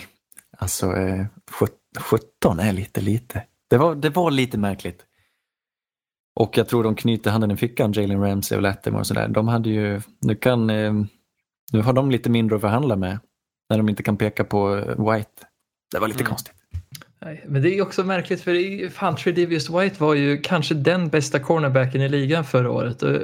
Att det är, ska vara så svårt att förhandla upp sin lön när man spelar cornerback. Alltså. Mm. Ja, nej, det är märkligt. Nåväl, näst på tur tänkte nämna Keenan Allen också, receiver ju. Eh, han, de förlänger honom i Chargers, de förlänger sina spelare, Bosa, Keenan Allen, de bygger en liten stomme här. Ja, 20 miljoner om året. Han hamnar där i toppen ungefär lite mer till och med än Michael Thomas tror jag, men ungefär samma. Mm. Keenan är väl en riktigt bra receiver ändå. Han har ju varit en väldigt stabil, lite Mm. stabil punkt, men han har ju varit tryggheten i det anfallet. Att alltid ha Keenan där med sina skarpa rutter och att Mm. kunna springa sig öppen. Ja, mycket ur slotten också. Han är kanske inte den allra mest allsidiga, men han har väldigt vackra rutter. Han gillar vi. Han har ett härligt skägg också. Jag tycker om det. Mm. Eh, Jag ska säga det att ledaren på, i Pittsburghs försvar, Cameron Hayward, defensive tackle, också förlängt. Kommer vara kvar fyra år till och detsamma gäller centern i Colts, Ryan Kelly, före detta första runde plock. Han som är känd som killen som spelar till höger om den där eh, Quentin Nelson. Det är inte så många andra man behöver kunna namnet på. Braden eh, Smith finns också där va? Ja, det är möjligt. Castanzo, det är han som spelar till vänster om Quentin Nelson. Ah, där har vi det. Braden Smith, det är han som spelar på andra sidan om Quentin Nelson. Precis, precis. Right tackle. Nej, left Ja. tackle. Jag vet inte. Eh, lite, okej, kort. Det här måste, vi måste uppdatera oss tyvärr på Practice Squad. För det kommer ha betydelse den här hösten mer än vad det haft tidigare. Det är lite nya regler som gäller. Eh, normalt sett så har du några gubbar du kan behålla på din Practice Squad som du säger. De är avlönade av dig men andra lag har tillträde att kunna signa dem om de vill ha dem i sin trupp. Så de här är inte med i truppen men de är som en liten krans, liten kranskommun. Ska jag säga. De är som, Mm. som eh, Sollentuna. Jakobsberg. Jag kan inte Stockholm så bra. De är som... Botkyrka. eh, Nej, det är... ja. Eh, Men då har det tidigare varit så att det är bara unga ungtuppar som inte har fått chansen i ligan som har kunnat spela på den här practice squad. Men nu är det nya regler. Nu kan man ha lite veteraner bland annat. Då. Man kan ha sex veteraner till och med. Men en av dem är Josh McCown som stannar kvar i och, och, och, och kretsar här då kring Eagles. Han tjänar 12 000 i veckan för att kunna rycka in som en nöd-QB. Skulle man kunna Äh. använda termen stafett eller jour-QB? Där har vi det. De stafettar ju. Vad gulligt. Ja, han ska inte ens bo, i, han behöver inte ens bo på plats. Han ska inte träna med dem, han ska bo i Texas. Står det här. Men det, ja, det ska Eh, han. Och, Vad men, mysigt. ja, men jag förstår ju inte. Alltså, vill man ha en QB som bor på annan ort? Alltså om det nu skulle bli så krisigt att de måste sätta in honom, hade de inte signat någon annan då? jag vet inte. Måste de ens... Är det något annat lag som ens är sugen på honom? Behöver de ens lägga pengar på skiten? Nej, men det är väl det som är grejen. De tänker väl att ingen är sugen på honom. Och på det här sättet, nu ska jag förklara den här nya grejen som jag lärde mig just i eftermiddag. Just det här är nog för, inte bara på grund av covid, utan du kommer kunna aktivera en spelare från din practice squad under, alltså inför matchen. Utan att han är en del av din trupp. Mm. En eller två spelare varje vecka på söndagen kan du aktivera från din practice squad för att spela med dig och sen gå tillbaka till practice squad utan att passera waivers. Så du har 53 Ja, Det spelare. är väldigt intressant. Men då Men då- kan du, som de här i det här exemplet, skulle kunna de plocka in Josh McCown eh, utan att han behöver vara en del av 53-mannatruppen. Mm. Jag gillar det ändå. Jag tycker att det är... Dock Ja. så... så ja, det är märkligt egentligen att de inte räknas på, på 53-mannatruppen. Det känns som att de skulle förs- förstora den bara, eller någonting. Men... Ja, nej, de Ja, gjorde så här istället. Då. Eh, men då lite begränsningar. De får inte göra på det viset två veckor i följd. Samma spelare kan inte aktiveras två veckor i följd. För alltså max två per match. Men då kan truppen öka till 55. Eller vad det nu blir. Det ju, men truppen ska ju fortfarande, den aktiva truppen är alltid på 48 spelare. Den har tidigare varit på 46 spelare. Du tar, eh, tar ju med en aktiv trupp inför varje match. Du har 53 man i truppen. Åh, det här är jobbigt. Men 46 spelare har alltid fått spela varje match. Nu är, har de ökat det med nya kollektivavtalet till 48. Så länge minst åtta är o-line-spelare. Ja, det är inte lätt. Men det är lite mer möjligheter att vicka på spelare ja, i alla fall. Mm. De har utökat det här. Men det, det som verkar, de redan, Pat- Patriots har redan börjat utnyttja det här. De har inga kickers på sitt roster just nu, Patriots. De draftade en kicker och så har han fått tävla med Nick Folk. De draftade den här killen, var det Tyrolermannen? Han med märkliga Rohrwasser. tatueringar. Rohrwasser, ja. Det var Alpatten ju. Ja, i alla fall. Han, han är inte kvar. Alltså, de, han var tydligen inte något att ha då. Men någon har dem nu på sin practice squad istället så de kommer förmodligen aktivera folk från sin practice squad för att sparka. Så kanske de varvar då. Jag har ingen aning om hur de tänker göra. Men de har ingen kicker på sitt 53-manna roster. Patriots. Jag vill ju att de ska ta ett godtyckligt fan som man brukar göra half court shots i NBA och att Pats låter, låter fansen kicka deras field goals. Ja, vad ge upp. Det är bara two point conversions. Ja, ja. Steelers, Steelers way. Det är lite jobbigt kanske med kickoff sådär, men Men så skulle ju... Alltså är det någon som skulle kunna göra så, så är det ju Belichick. ja. För, tänk, jag, vet, jag har sett något klipp från om det är kanske 15 år sedan när Doug Flutie spelade i Patriots. Han var gammal redan då. En QB, den här korta kuben. Han var, spelade mycket i Kanada. Väldigt rolig personlighet. Men i alla fall. Han hoppade in och gjorde en, ett field goal, en dropkick field goal. Som Ja. backup QB eller någonting. Det var supermärkligt. Och Bill Belichick stod och, och bara flabba. Och de gjorde det under en match, i slutet på en match. Och det var inte helt... Det var, ju- de kunde fortfarande förlora matchen. Det var jättemärkligt. Jävlar, och där ser man. Men eh, Var det dina drömmar om Breeze skulle göra det kom fram? Eller var det? ja, de lever än. Ja, Drew. Brees, eh, han försökte med en i Pro Bowl, men han misslyckades. Den senaste som gjort det är Doug Flutie. Mm. Och där har vi mannen att slå. Och det jag vill att Brees gör innan han lägger skorna på hyllan. Men eh, det skulle väl inte hända. Det ska till mycket. Det ska vara ett konstigt scenario för att det ska vara tänkbart. Ja. Super Bowl-chanserna ska vara förbi i alla fall. Ja, kan man hoppas det. Sista punkt då. På din practice squad nu i, under pandemin här kan du skydda fyra spelare varje tisdag och framåt. Så då kan ingen signa dem från din practice squad. Så varje tisdag innan match så kan du designera fyra stycken spelare som ingen annan kan plocka. Ah. Ja, ja, ja. Jag tycker det är lite fjantiga regler ändå. Ja, de har gjort det onödigt komplext kanske. Men de har i alla fall eh, givit lite mer, eh, lite mer eh, spelrum till coacherna att ta ut spelare. Så är det. Och det Mm. blir fler jobb idag. Det är ju Ja, ändå är ett jobb att spela på practice squad. De Mm. har utökat till 16 spelare från 10 tror jag det var förra året det är fler avlönade, fler spelare som får chansen i NFL. Det är kul. Men är det dags för årets första påse? Det går rykten, går rykten om det. Har vi en jingel David? Da, da, da, da, da, da, da, da. Påse. Påsen? Påsen. Det var nog den starkaste sånginsatsen på vår historia. Ja. Jag klipper bort det sen. Vi har... Nej, Nej jag skojar. Nej. Eh, vi, vi går igenom matcherna först. Erik, led oss. Ja, vi har Torsdag, matcher. två dagar kvar. Ja, var det du eller jag som skulle prata? När pratar du? Första matchen spelas om två dagar. Det är Houston mot Kansas City. I Arrowhead. Exakt. Eh, ska vi bara beta av match för match eller hur vill vi, hur vill vi lägga upp det här? Ja, men kör som vi alltid har gjort. Här tror jag på Kansas City. Ja, det finns väl inget, eh, ja, finns väl inget annat man kan tro. Hade det Ja. varit i Houston hade jag tagit Texans, men Ja. det är franchise här, tyvärr. Tråkigt. Jag, jag vill ändå ge Houston en liten chans. här. Jag tycker inte oddsen är verkligen, Houston är jättestora, skyhöga underdogs här. Men de vann ju över Chiefs förra året med Mahomes, så det skulle ju kunna hända igen.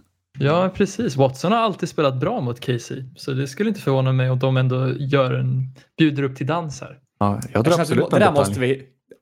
Eh, får, ni som lyssnar, har ni några bra synonymer för bjuda upp till dans? Så ta, dela gärna med er. Jag En säger- schottis. Oj, är det favoritdansen? Nej, Hambo är det. Är det så? Ja, jag älskar Hambo.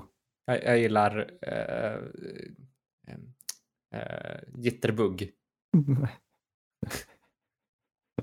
Ja, den är också bra. Ja. Det, Cole. Cole Ch- Charleston tycker jag om.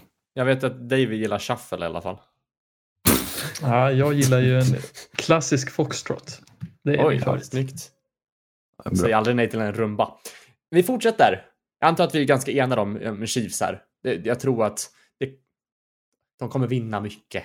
Och förrän man blir, förrän man blir motbevisad så kommer jag tro på dem länge. Eh, vi går vidare. Hörde ni ljudet? Jag vet inte, jag hörde något konstigt ljud där. Vad Ja. var det? Det var nog en, eh, eh, panik i WoW skulle jag tro. Är det den beryktade Roomin? Jajamän. Där ser man. Jag fram fantast. Jag kan klippa in den som jingel sen.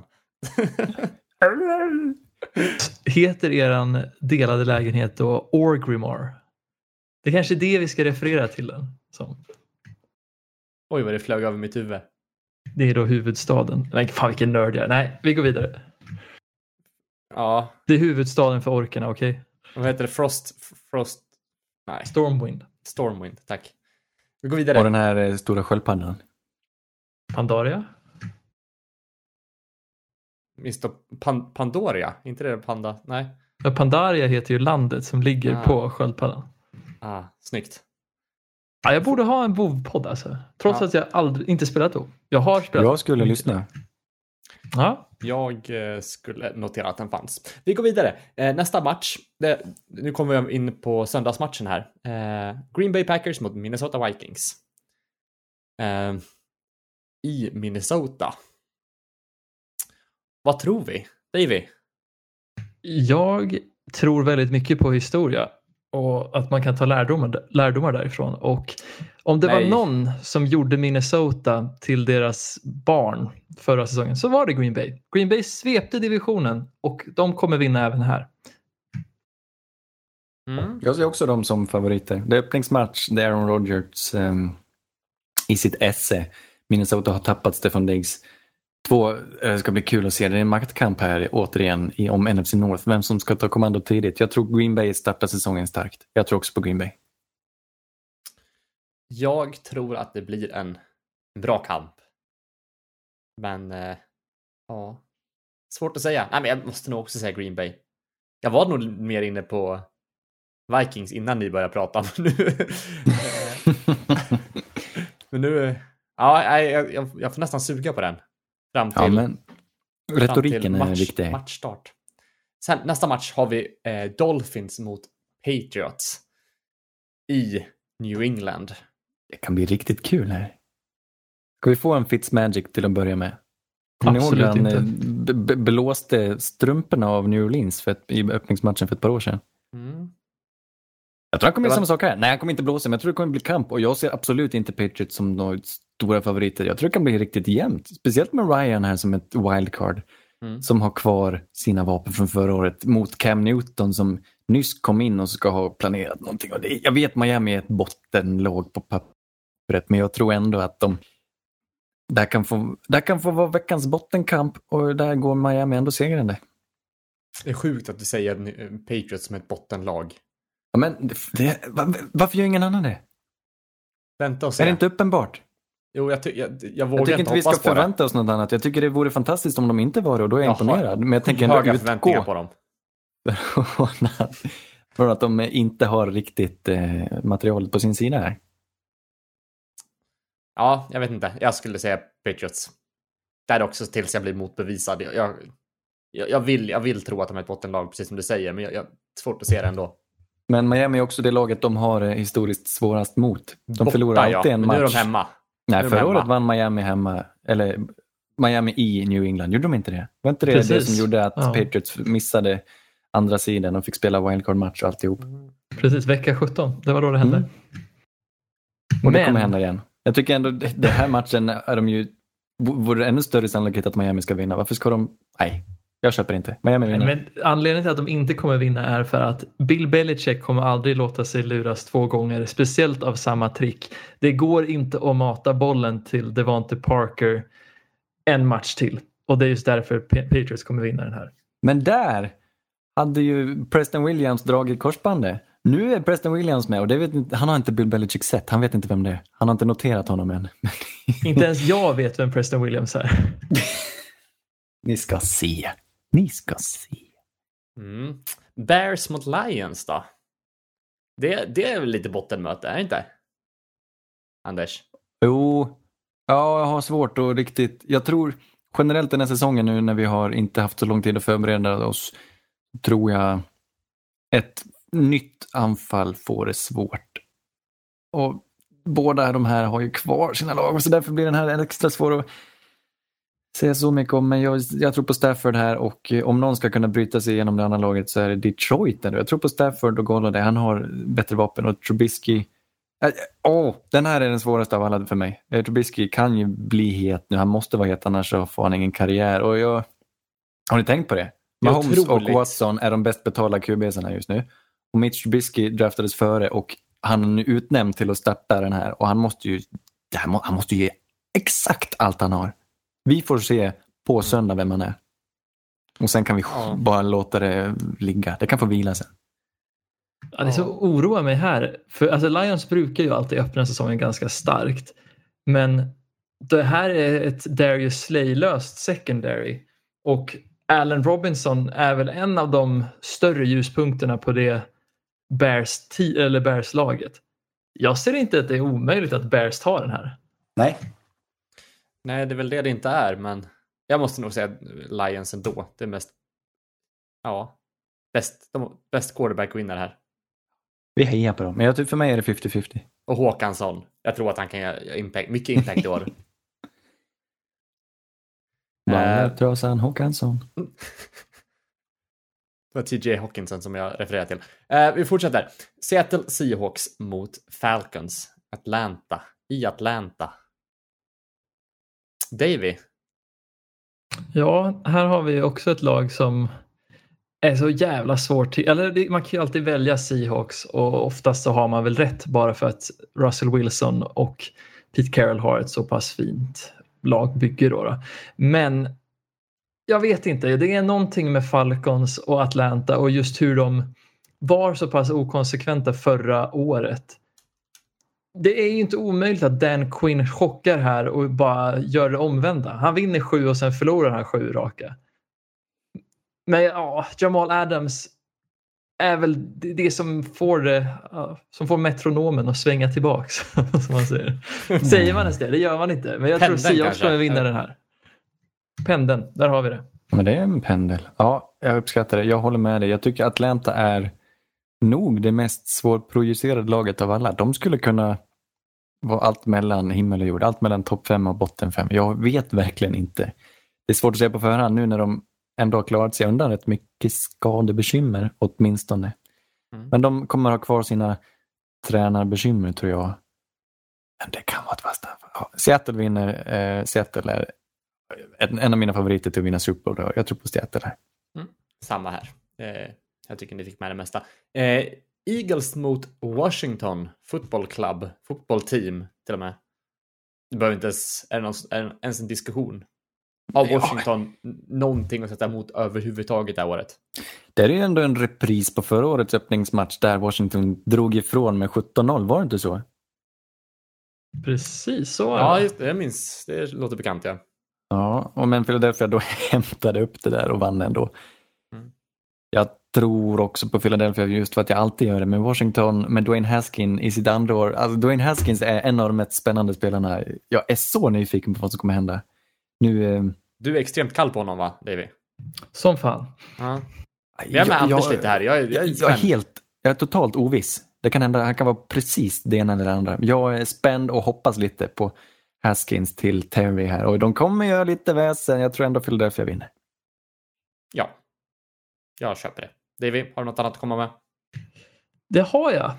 Jag tror ändå att Washington, alltså det, det är ju otroligt stora underdogs här, men Chase Young mot ett lag som har en väldigt tveksam left tackle situation. Det kan vara ett recept för att vinna en jämn match men jag tror inte det kommer bli jämnt ens för Philadelphia har alla sina spelare och Carson Wentz är en talang som kommer överraska ännu ett år. Jag väljer Eagles. Ja, tänk Nick Bosa förra året. Vi kan få se samma sak av Chase Young i år. Ja, precis. Om gudarna vill oss väl. Det kan bli roligt det här. Mm. Matchen efter det har vi Colts mot Jaguars i Jacksonville. Vad tror du om den Davy? Mm.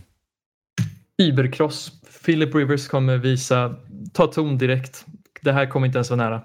Colts. Jag tror det kan bli ganska poängsnålt, ja, men jag tror Colts vinner. Mm. Jag tror inte heller att det blir någon... Inga konstigheter. Jag tror, jag har svårt att se, jag har jättesvårt att se en skräll från eh, Jaguars. Alltså, vad, vad, vad, vad har det laget? liksom inför säsongen?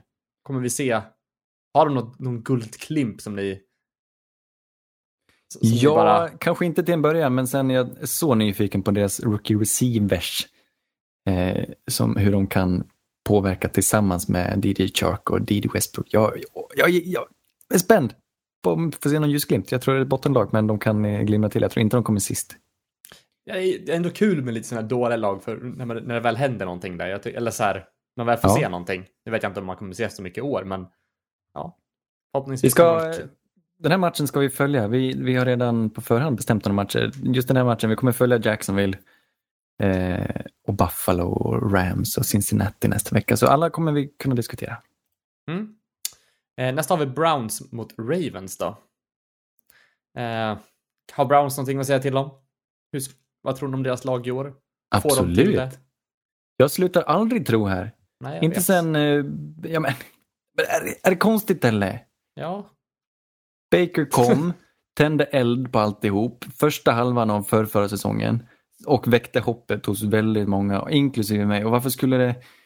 Det är inte kört i botten än. Vi har blivit av med Freddy Kitchen som inte hade någon plan under matcherna. Vi tar in ett nytt anfall, vi testar lite, vi har fortfarande kvar våra fantastiska spelare. Det här är en bra trupp och Baker, om man kan göra samma sak som han gjorde sin rookie-säsong så är det ju absolut, jag tror, jag hoppas på Browns i slutspel. Jag tror de kan bjuda upp till dans, till en schottis, till en, vad var det, en shuffle. Ja, nej, men mm. jag tror Baltimore kommer ta ett snäpp ner. Cleveland kommer ta ett snäpp upp. Det här kommer bli jämnt. Men Ravens är ju favoriter av en anledning. Mm. Så jag säger nog Ravens. Cleveland är redan lite skadedrabbat också. Precis, dock har ju Cleveland äntligen fått en väldigt bra o-line skulle jag säga till Baker Mayfield. Och Och, potentiellt. ja, men precis. Och Baker, Notera har ju, att mm, Baker har ju alltid spelat genom en ganska, eller bakom en ganska bra o-line när han var så pass elektrisk som han var i Oklahoma. Men ja, förlåt. Vad sa du Anders?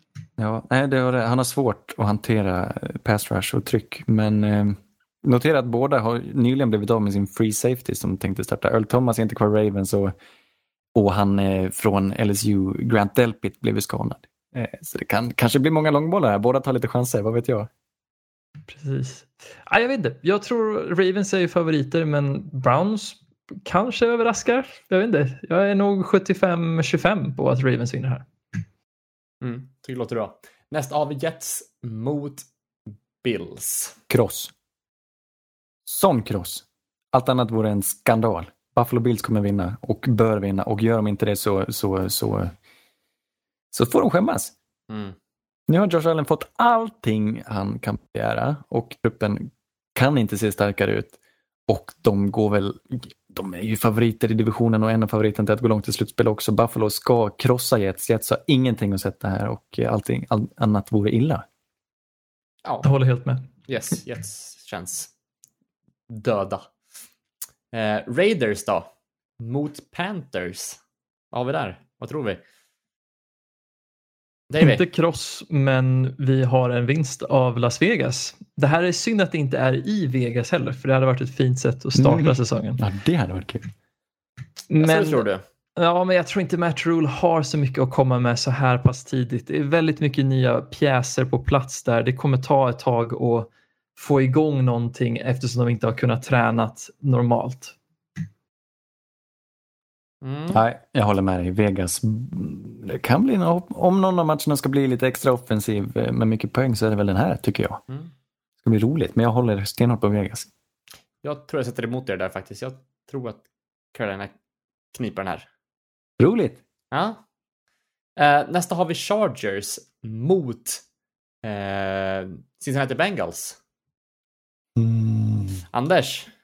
Chargers, den eviga optimisten som nog jag inte tror kommer lyckas i år heller. Nu blev de av med Derwin James. Cincinnati med Joe Burrow. Vad roligt det ska bli att se Joe Burrow som tidigt skulle kunna klämma till med en vinst. Du, jag har satt Chargers men jag ångrar mig. Jag ångrar mig. Jag sätter Bengals. Bengals vinner öppning, öppningsmatchen. De gör det. Bengals har ju ett väldigt spännande lag. Mixon, Tyler Boyd och nu också T. Higgins där. Va? Så det finns ju väldigt mycket spännande offensiva vapen. Men Mm. Spelaren som alla ska hålla ögonen på är Jonah Williams, den genialiska Ja, left just det. tacken. Och jag tror att han kan stänga ner antingen Bose eller Ingraham. Nej, det kan han inte. Jo, det kan han. Han kommer vara perfekt. ner.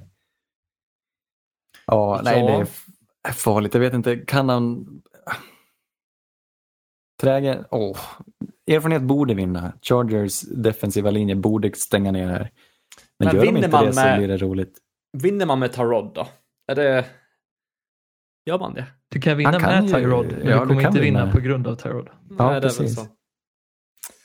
Eh, Det här ja, det är en jättesvår match tycker jag. Eh, Ja, det kan gå jag hur vacklar som också. helst. Jag... Nej, jag säger nog Chargers. Jag... Ja, det känns så. Magkänsla ändå. Ja, jag säger också Chargers, men om Anthony Lynn lyckas sjabbla bort det här och inte använda Austin Eckler till, fulle, till fullo mot ett lag som har så pass dåliga linebackers, då kommer jag ha en litet hatsegment om Chargers varje vecka i ett par veckor framöver. För jag är så trött på att det här laget ska underprestera. Eh, nästa match har vi Cardinals mot 49ers. Davy, Oj, har oj, Cardinals oj. en chans? Det, Det här tror är ju jag. årets divisionsderby, inte derby, men divisionsrivalitet. De här två matcherna, Arizona mot San Francisco, de kommer bli svinkul. Mm. Ja, verkligen. Det, alltså det är så mycket nytänk och liksom intressanta grejer som kommer hända. Alltså, det som kommer vara dealbreakern för mig är ju att San Francisco har ett försvar och en genialisk offensiv coach medan Cardinals saknar det där försvarsbiten. Jag tror inte Isaiah Simmons och en annars väldigt bra Chandler Jones väger upp för det. Jag håller Nej. med, det lär, det lär dröja, men Arizona kommer ju överraska. Det kommer bli, jag hoppas det blir mycket poäng från början. Jag håller Mm. på San Francisco bara för att jag är gammal och tråkig. Yes, nästa match har vi eh, Buccaneers mot Saints. Anders, Ja, den är självklar. Saints vinner. Det är, inte någon, det är inget att säga om det. det är ganska mycket att säga om den matchen faktiskt. Ehm, Jag är nöjd så. Okej. Saints kommer ha ett av ligans bästa försvar och Bucks kommer inte kunna göra någonting mot det. Så Saints. Vad tror du om Saints anfall då? Eh, Som kommer vara alltid. okej. Ja, som alltid. kommer vara som alltid. De kanske kommer ligga under en stund, men de Men vad- Breeze hämtar upp på slutet. Det är, det är som vanligt. De Dock är dock var- kända fick- för att öppna dåligt. Ja, och de slutade dåligt förra säsongen också, anfallsmässigt. Poängmässigt. Ja, det gjorde de ja. Så att... ja men eh, säg inte så. Nej, men jag vill bara öppna lite dörrar här för, för nytänk.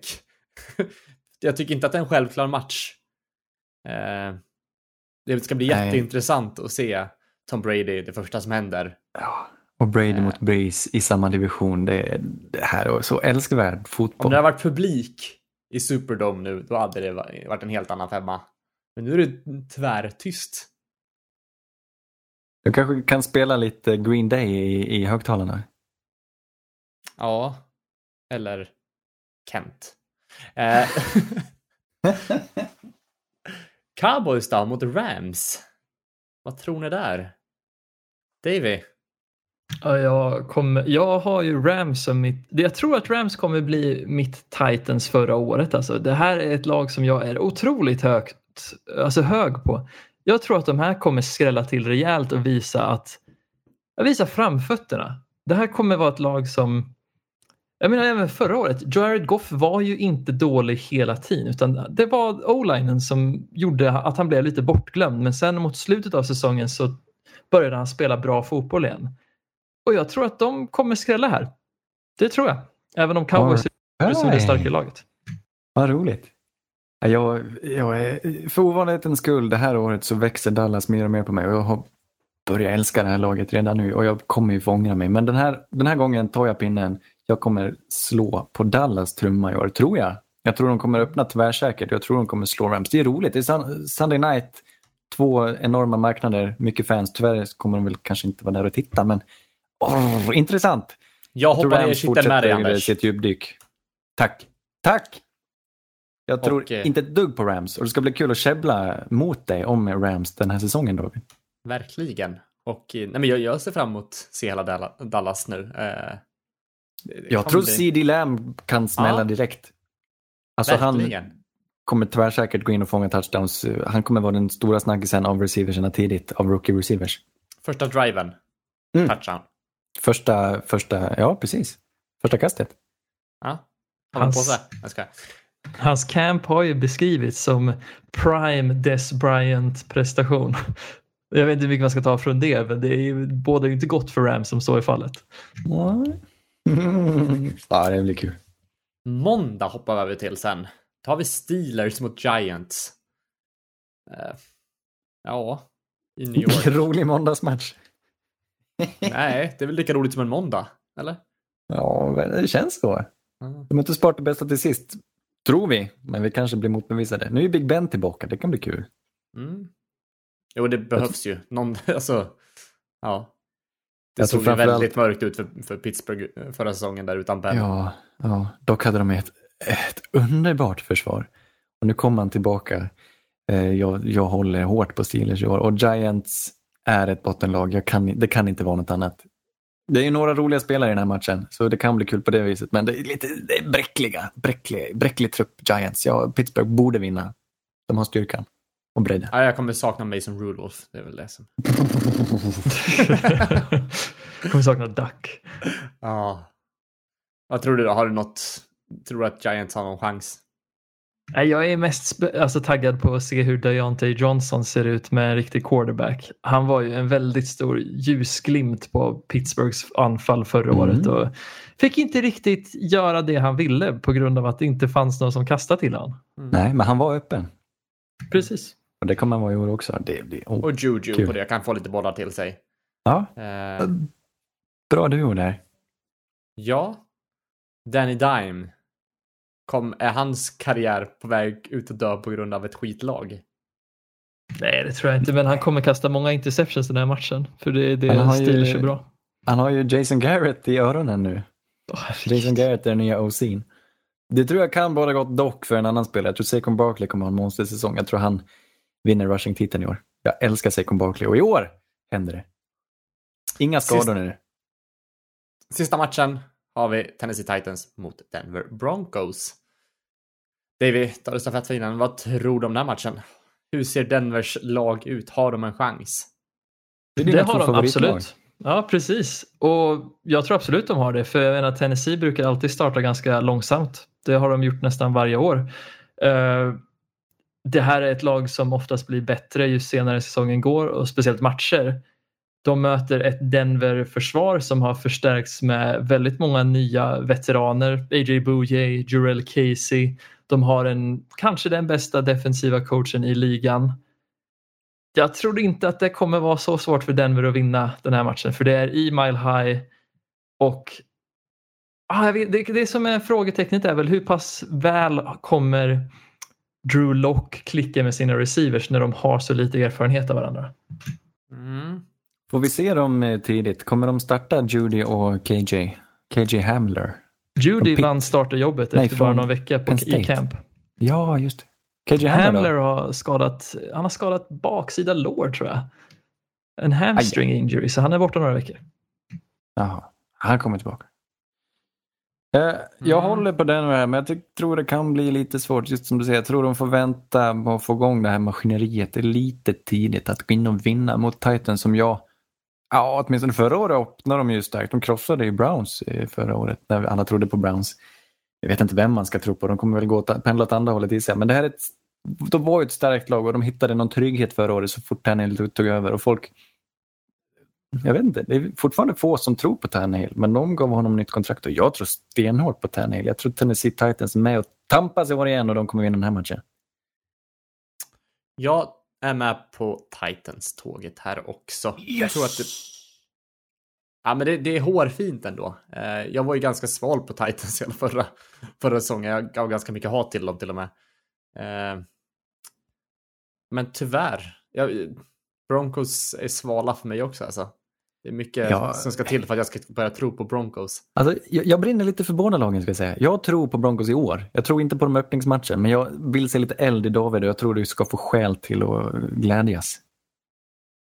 Ja, det vet jag fan. Vi får se. Men, ja, men vi får hoppas. Vi får hoppas. Vic Fangio, glöm inte det. Bradley Chubb är tillbaka också och Tennessee Titans tyckte ju det var passande att panta bort sin, sin right tackle så vi får väl se hur det går. Just, just. Åh, vad roligt. Och Melvin Gordon. Som är en ska- coin flip. Ja, Jag det är ska- väl det. Ska, nu tar vi, nu kör vi. Det här ska påsas. Vi har en liten struktur på det hela i år för att vi ska kunna, för att påsar ska betyda något. Om ni inte vet vad en påse är så kommer ni inte förstå det nu heller. Men vi har lottat. Jag ska få börja påsa. Och varje lag är värt lite olika mycket poäng här. En underdog är värd mer poäng för en påse än en favorit. Jag går ut och påsar Miami Dolphins mot New England Patriots. De har ni påsen. Ja, intressant. Det var, det var inte helt oväntat. Jag hade in, det var eventuellt min påse också om det hade varit i Miami. Du, du, du hade skrivit fel vilka som var hemmalag från början. Då hade jag också, då hade jag köpt den mer. Eh, men jag tänker ta ett ännu mer riskabelt påse Mm. faktiskt. Och jag väljer att tro på Cardinals första matchen mot 49ers. Kul. Den är fin. Det Jag kan hända. tycker- Jag tror... Ja, absolut. Jag, deras anfall känns ju skitroligt och jag ser fram emot att se Kyler ta ett kliv framåt det här året och eh, ja, göra en toppensäsong. Ja, lite märkligt att de är underdogs med sju poäng. Det, det borde vara tajtare än så tycker jag. Tycker inte det är så självklart. Många som har en chans här. Alltid svårtippat i början, första matchen. Ja, verkligen. Det kan gå hur som helst i början. Ja, jag ser. Ja, det är ganska grundläggande psykologi sånt här känner jag ibland. Och det är liksom när man inte har, alltså när man inte, när man precis börjar är man mer benägen att ta risker. Och det kan ofta komma tillbaka och bita en i arslet känner jag. Och jag tror ni kommer känna er väldigt dumma när jag nu väljer att Green Bay vinner mot Minnesota och jag tar en trygg och bekväm ledning inför vecka två. Mm, mm, mm. Du kör en 50-50 match. Jag tror du kommer, men grejen är att när Minnesota vinner så kommer du känna dig så dum att du inte åtminstone chansade på något lite mer våghalsigt. Jag känner att det gick väldigt, väldigt dåligt förra året i min påsliga, eller vår påsliga. Det gick åt skogen för mig. Så jag känner att jag vill försöka ta en tidig ledning. Ja. ta, gambla mycket i början här. Eh, Ja. jag, kan, jag kan berätta att sp- spreaden på våra bets. Eh, jag var, tog den mest riskabla matchen, matchen enligt vår bettingsida. Eh, där har en spread på 7. Anders har en spread på 6 och Davy har 2,5. Exakt. Eh, Green Bay är alltså un- underdogs med 2,5 poäng. Vi hämtar, vi hämtar dem från någon sida. Det är konsensus spreaden borta från Vegas. mm. Spännande! Kul med ett system. Det här kan Ja, ju bli verkligen. stort. Det här ska vi patentera sen och så blir, kommer en app nästa år så kan alla vara med. Snyggt. Hur ser det ut det kommer kom- bli eh, stort. Vilka matcher är det vi kommer djupdyka nästa vecka? Vi kan väl ge en liten, liten... Eh, vi vet ju inte alla än så länge, men vi har några. Ja, just det. Vi ska få, eh, vi ska få en riktig utläggning om Jacksonville mot Indiana, Buffalo mot New York Jets, Los Angeles Rams mot Dallas och Cincinnati mot Chargers. Mm. Kul. Båda. Hardknocks-lagen ska vi dyka ner i. Mm. Det och mycket annat. det blir nya påsar också, får ni se hur det har gått i förra veckans. Ja, får hänga med. Det, det, det största liksom teasern vi har, det är att se vilken påse vi tar nästa vecka. Men Det hörni, blir en, eh, ett bälte. Jag ska vinna bältet. oh, tungviktsmästare. Ja, En livrem. Jaha. En Från sån H&M. Adrian Peterson. Det... Det, det, nej, men oj, oh. Det blev mörkt. blir lätt det. Eh, Men det var allt vi hade att bjuda på den här veckan. Det blir ett lite längre avsnitt, men det blir väl så när det är precis inför säsongen. Vi vill få med allt det göttiga innan. Ja, Eh, och att vi älskar varandra. Ja, det gör vi verkligen. Tror det eller ej. På bra dagar kanske. Ja, inför inspelningen så. Ja, vi glömmer det. Vi drar ett streck över det David, det som hände innan vi började spela in. Ja, just det. Ja. det, det gör vi. Jag kommer drömma mardrömmar i natt. Det hoppas jag. Vi blir tillbaka nästa vecka. Eh, tack för att du lyssnade. Puss och kram. Hej! Red Polly, Red Polly! Blue Poncho, Blue Poncho! You're the hunter Oh, you're the hunted! We came here to hunt! Blue, clear! White 25! Let him go! Quietly! Quietly! You know what time